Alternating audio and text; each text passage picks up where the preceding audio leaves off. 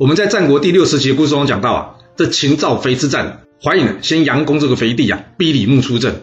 而李牧不但没有去救援肥地啊，反而是剑指一安。善战的怀疑并非没有料到这一点啊，他成功逼出李牧与其决战。然而他没想到的是啊，他反遭李牧用计埋伏啊，几乎惨遭全灭啊。这是一场非常经典的预判对方预判的战争啊，也充分显示出战国四大名将李牧的能力。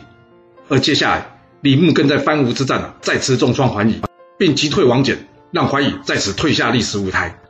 也成为战国四大名将中唯一击败另一位四大名将的人，写下属于他自己英雄的传奇故事啊。想要知道李牧是如何预判对方的预判吗？那欢迎你到我的频道去听听看这两场战争过程吧。